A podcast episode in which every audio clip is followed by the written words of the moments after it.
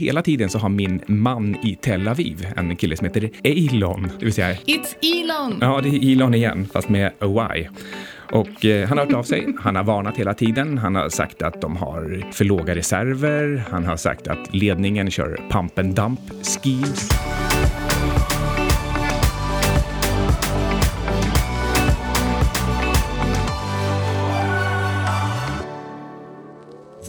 Hola, ¿cómo estás? Hej! Du lyssnar på Outsiders. Vi sätter rekord idag. Gör vi? Vi har aldrig spelat in så här tidigt på morgonen. Nej, det kanske du inte har, men jag ska vidare till jobbet efteråt. Jag har massa grejer jag måste göra idag. Jag är extremt taggad faktiskt. På tal om ¿cómo estás? Jag vet att det inte är riktigt som man säger, men det är typ som att säga What's up? och vara skithäftigt att säga i Sydamerika typ 2003.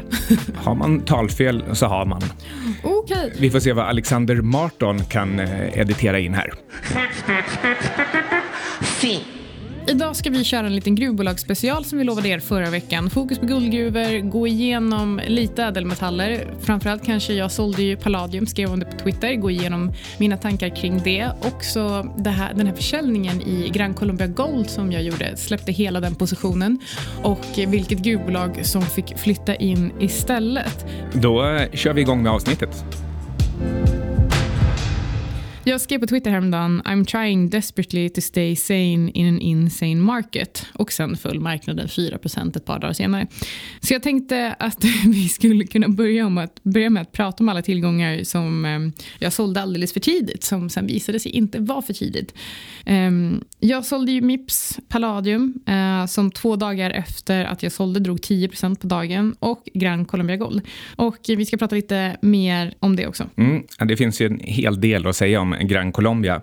Men eh, annars när det gäller till exempel Palladium, jag, vet, jag tyckte ju egentligen inte att det var för tidigt. Men eh, är du in the money eller inte på försäljningen? Den ligger fortfarande på alltså ett par procent över den nivån som eh, jag sålde. Men eh, det finns ju ingen perfekt timing. Och det är nämligen så att bilförsäljningen i Kina full med 92 procent första halvan i februari. Och priset på Palladium, som alltså främst styrs av efterfrågan på bensinbilar, framför allt då i Kina, borde ha reagerat kraftigare på nyheten om den vikande försäljningen, men fortsatte istället upp efter att jag sålde. Och eh, igår då så var, den 24 februari, eh, vi spelade in den 25, så var priset faktiskt ned 4 Och bensinmotorer står alltså för 85% av efterfrågan av Palladium, så det är mycket möjligt att vi ser mer korrektion på nedsidan. Och jag är absolut intresserad av att gå in igen på lägre nivåer när efterfrågan är igång igen, men jag tänker inte ta den här risken nu. Och allting jag gör i min portfölj handlar om att minimera potentiell drawdown.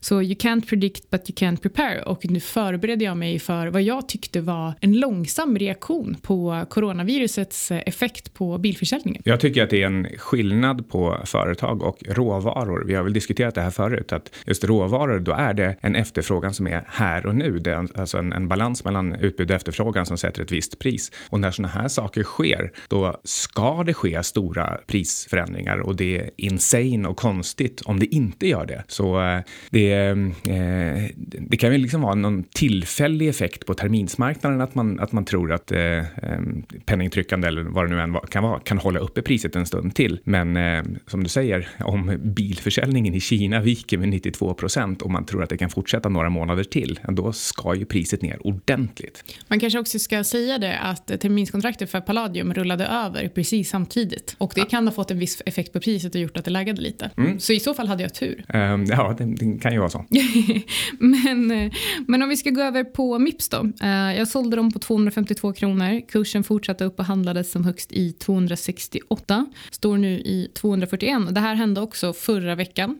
Uh, och så här, perfekt timing existerar inte. Men med facit i hand så är det klart att jag är jättenöjd med det beslutet eftersom att hela syftet var, precis som jag sa innan, att dra ner risken i portföljet.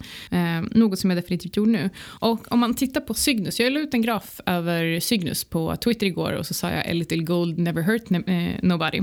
Och om vi jämför med OMX eller S&P för den delen så har Cygnus year to date för att eh, sen föll portföljen lite när, eh, när USA öppnade. Absolut, jag tror att det var full en fjärdedel så mycket som eh, S&P så det är fortfarande väldigt, väldigt mycket mindre. Men Cygnus eh, year to date outperformat både OMX och S&P så Cygnus är upp 5,4 procent när vi spelar in det här. Och det är trots det här nedstället igår. Samtidigt som OMXS30 plus plus 1,4 procent och S&P fick faktiskt hela årets utveckling raderad i ett svep. Så att eh, min modell fungerar som den ska och eh, det är extremt fascinerande att sitta och titta på den där varje dag. Jag känner mig fortsatt trygg med att ha mina pengar i din vård. Eh, man kan ju verkligen fråga sig vad är det som är insane egentligen? Är det när marknaden går ner 4 procent på en dag? Eller är det att den har gått upp 4 procent i månaden hur länge som helst på egentligen samma nyhet om och om igen? Eh, Ehm, eller för den skull bolag som Mips och Fortnox värderingar med eh, p-tal som ingen överhuvudtaget skulle ha tyckt var rimliga eller, eller sunda för tio år sedan. De växer ju jättesnabbt. Åh, du och dina trötta fundamenta, Syding. det är inte det som styr marknaden. Nej, och det är på ett sätt sant. Men så nu har vi snackat lite om Palladium och Mips, men vi ska också gå in på Gran Colombia Gold, för de handlas ju till betydligt högre nivåer än de nivåerna som jag sålde. Men innan vi gör det så vill vi hälsa vår samarbetspartner Best Secret välkomna tillbaka. Ja, jag är ju lite av en modeikon. Och, eh, det är du inte. Jag köpte... Du är kanske, en, den, du, du är kanske minst modeikon. Ja, kanske. Men mest modig. Jag köpte en jacka på eh, Best Secret för några veckor sedan från Emporio Armani och eh, då hjälpte du till lite grann. Vi började med att sortera på dyrast och sen eh, tog jag helt enkelt den, den första. Men den var ju också snyggast utan tvekan. Ehm, det är också då man sparar mest. Best Secret har ju för övrigt alltid lägre priser än, än listpriser och det kan vara upp till 80 procent. Hur som helst, jackan kom snabbt. Den var sjukt snygg och skön.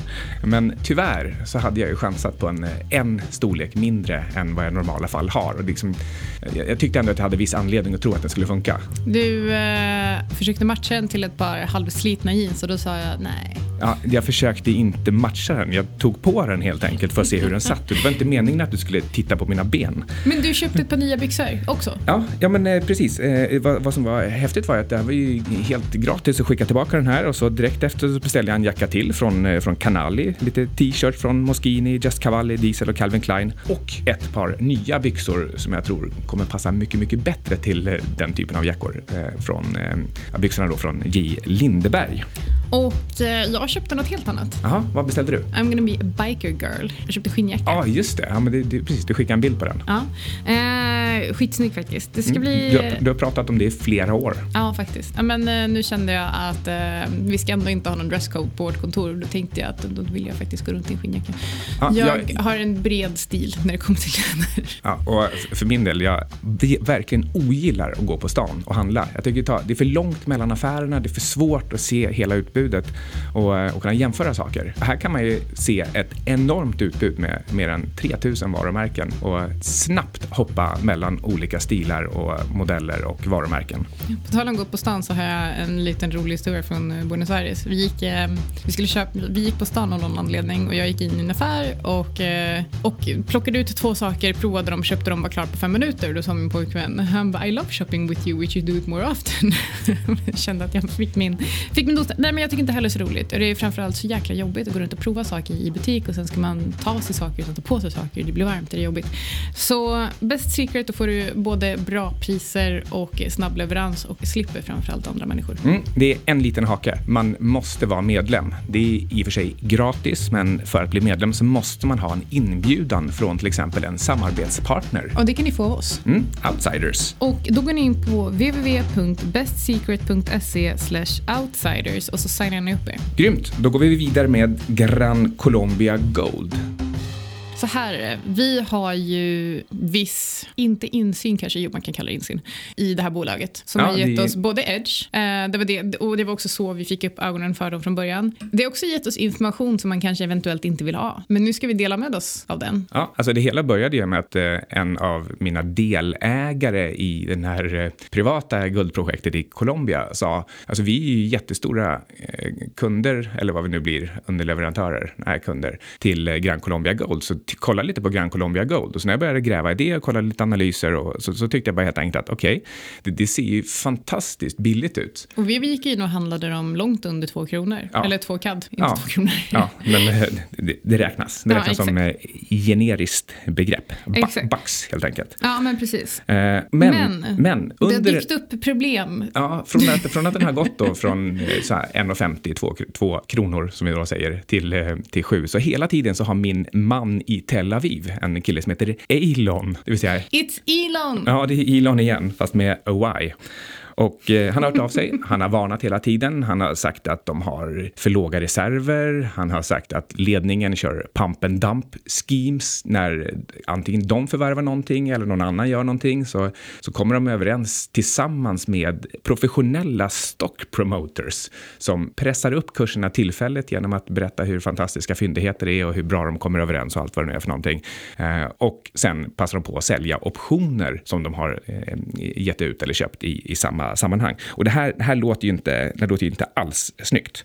Men det är inte det värsta. För det som faktiskt fick mig att eh, hoppa på säljknappen, det var ju när vi fick veta att det finns en i, jag tror inte vi ska nämna på vilken position så heller. Nej, men det är, det är att... Det är en person i ledningen som, eh, ja. som alltså hotar framförallt personer som är involverade i det bolaget som du äger privat. Ja. Till, den, till den grad att den här personen i, som är involverad i bolaget som du äger privat inte kan röra sig i vissa delar av världen utan säkerhetsvakter och eh, eh skottsäker väst för att han blev alltså mordhotad. Och då kände jag att jag skiter faktiskt fullständigt i hur den här aktien presterar kursmässigt. För jag kan inte, jag kan inte sova på natten om jag ska ha det här i min portfölj. Mm, så, Framförallt inte när jag har den här informationen. Så med tanke på att eh, jag har alltid skojat om att jag har den här guldkruvan i Colombia med eh, huvudkontor i Medellin av alla ställen. Men eh, när folk börjar leka narkos på riktigt och faktiskt gidra med personalen, då, eh, då har det gått ett steg för långt. Och när företag håller på på det här sättet, då, ehm, då kan det förr eller senare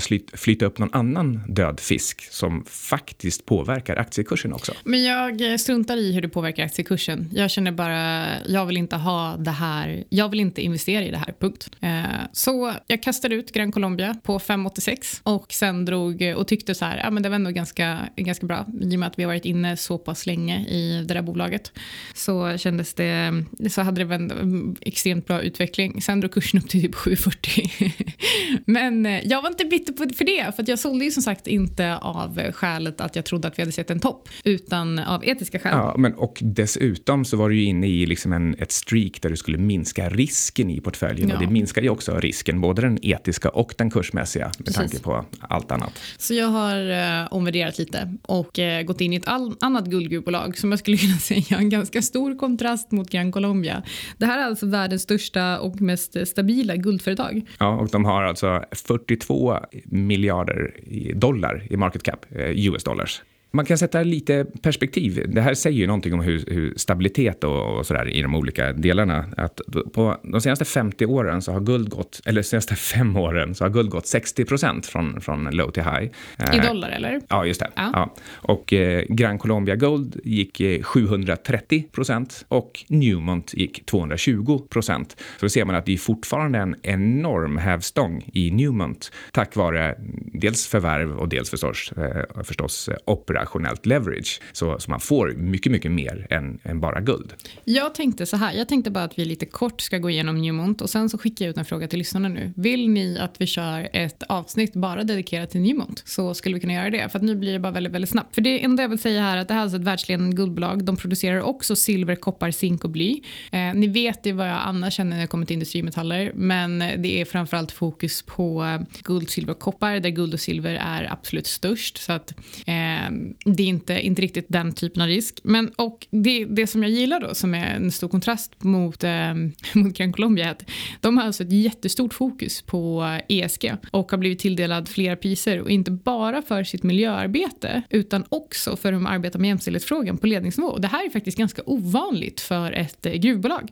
Så eh, det tyckte jag var lite roligt. Eh, utöver att eh, siffrorna ser bra ut. De hade typ nolltillväxt, lite minustillväxt mellan eh, 2017-2018 2018 men 2019 så har det verkligen, har omsättningen verkligen kommit igång igen så det ser riktigt, riktigt starkt ut. Men vill ni att vi går igenom caset lite mer detaljerat så kan vi tillägna ett avsnitt åt det. Så skriv det på Twitter eller mail eller ni vet hur ni kan nås. Och om eh, Newmont är störst och bäst och stabilast, då är bolaget som har det coolaste, coolaste tickern är Barrick och de är också ganska stora. De har ticker Gold. Det är så vi sorterar på bolag här. Vilken har den coolaste ticken? Men jag tycker att man ska se upp lite grann för Barrick. Barrick. De, de har visat att de har haft eh, problem förr. Eh, du har heller inte fått särskilt mycket kursmässigt de senaste fem åren, utan vi pratar om 260 procent. Visst, ja visst, det är lite mer än Newmont, men det har varit eh, en ganska stökig väg dit. Ehm, och eh, på grund av det här och eh, något dåligt förvärv som de har fått ta sig igenom så, eh, så tycker jag, when in doubt, stay out. Så även om det här är ett av de, de större och bättre så skulle jag alla gånger välja Newmont framför, framför Barrick. Eh, trots att jag brukar vara den där som eh, tycker det är kul att köpa, köpa eh, ska säga, vad heter det när man är i underläge, inte outsider. Eh, ja. Varför vill jag säga insider downside? vi kallar det för en, en downsider. Jag brukar gilla att köpa downsiders. Underdogs. Så heter det. Mm. Vi är inte alls ens i närheten. Och, och sen, sen har vi ju det här att jag skulle egentligen gärna eh, göra en sån här icke-rekommendation, det, det, vill säga ja, hur som helst, av eh, GDXJ, alltså eh, ETFen med Junior Miners. För där kan man ju få en exponering mot eh, just projektering, enorm operationell hävstång om de här bolagen lyckas och det gör de i mycket större grad när guldpriset går kraftigt. Då, då brukar man få mycket, mycket större hävstång än på de här lite större seniorerna seniora bolagen och samtidigt så får man den här korgeffekten av att det är, är 100 bolag i. Diversifiering älskar vi. Men GDXJ är väl typiskt en sån ETF som man inte kan köpa mm. i Sverige. Däremot kan man köpa enskilda bolag och då kan man köpa Sandstorm som är ett royalty streamingbolag. Um, och även om de inte heller har rosat marknaden direkt de senaste fem åren utan de är, de är upp 300 procent eh, eh, low to high. Så uh, om det nu är dags för den här riktiga guldprisuppgången, då, här, då är det ett sätt att få tillgång till just den här typen av eh, junior mining-karaktär eh, på exponeringen, även om det inte är det det är, utan det här är ju att de, de köper in sig i projekt hos junior miners mot en option på att få guldet mycket billigare längre fram när det faktiskt produceras. Så det, det blir en liknande historia och det, det, det, här kallas då alltså royalty streaming. Det, det, är för övrigt ett begrepp man kan eh, leta efter bolag på, för där finns det en hel del intressanta grejer. Ska vi nämna något kort om silver? Eller rättare sagt hänvisa er till ett gammalt avsnitt. ja, avsnitt 84, det var ju vårt silverspecial. Då pratar vi bland annat om Wheaton, Pan American Silver och First Majestic. Eh, vad som eventuellt är intressant är att de här tre, de har ju bara gått ungefär som, som Newmont på, på fem år från low till high. Så varför köpa silver när man kan köpa guld? Dessutom så har silverpriset bara gått ungefär 40 procent medan guld har gått 60 procent från low till high på fem år. Och vi har faktiskt fått en fråga om silver, silverpriset i relation till guldpriset som vi kommer ta upp lite senare i avsnittet. Men du fick ju tips från Elon. Ja, Elon Krupczyk, alltså min man i Tel Aviv. Så jag jobbar, jobbar brett från, från Medellin till Tel Aviv med mina uh, olika projekt. Och eh, han pratar om Adriatic som har eh, kort namn då ADT.AX. Det har ett market cap på ungefär 2,5 miljard kronor eller 300 miljoner dollar.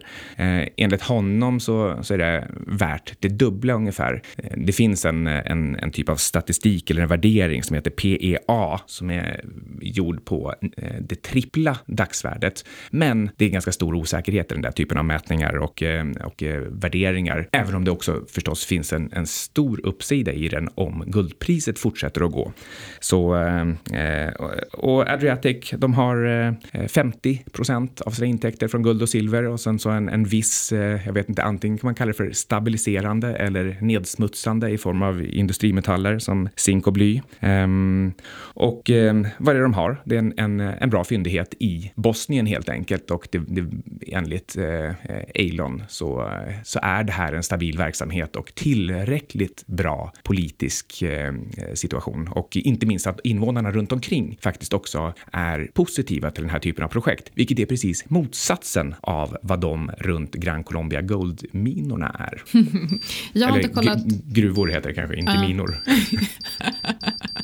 det är ju tidigt på morgonen. Det är tidigt på morgonen.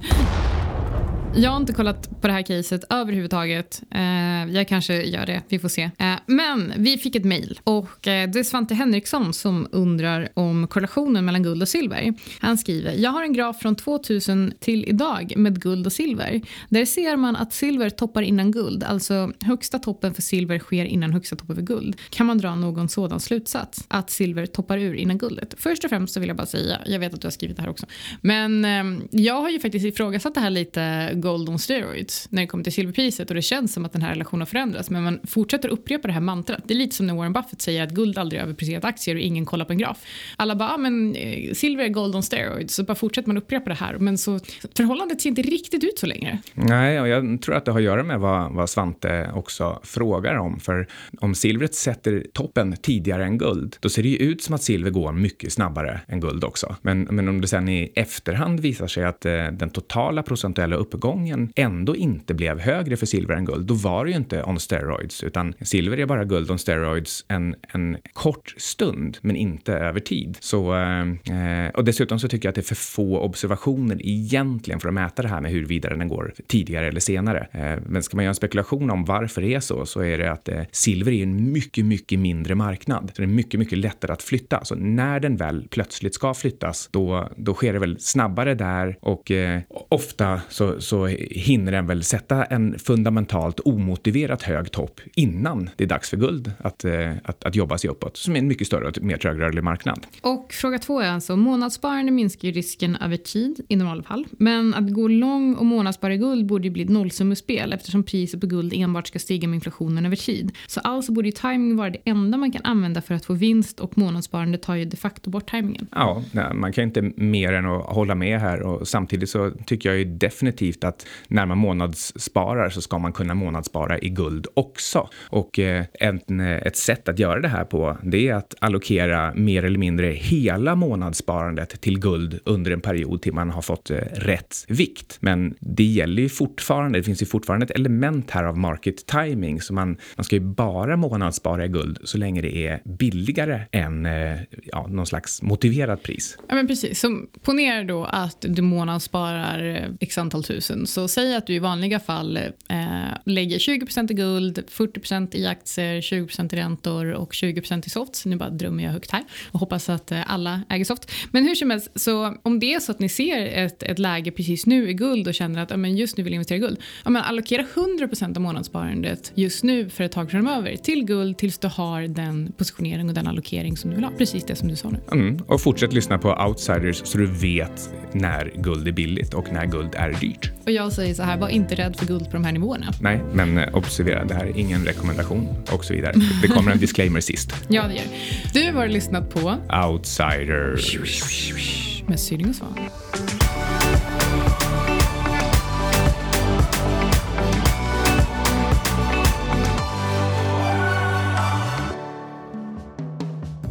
Ingenting som du har hört i eh, Outsiders har varit någon typ av eh, rekommendation. Så hur du än gör, försök inte få det till en rekommendation heller, utan alla placeringar är förknippade med risk som gör att du kan förlora hela eller delar av ditt kapital. Vi äger emellanåt eh, vissa av tillgångarna som vi diskuterar i den här podcasten och eh, våra sponsorer tar inget som helst ansvar för hur du handlar i de tillgångarna. Podcasten är menad för information och underhållning, även om vi förstås själva gör så gott vi kan när vi tittar på de olika tillgångarna. Och vill man veta mer så kan man gå in på sygcap.com eller på sydingsvan.com för att signa upp sig på vårt nyhetsbrev som vi skickar ut varje söndag. Hej då!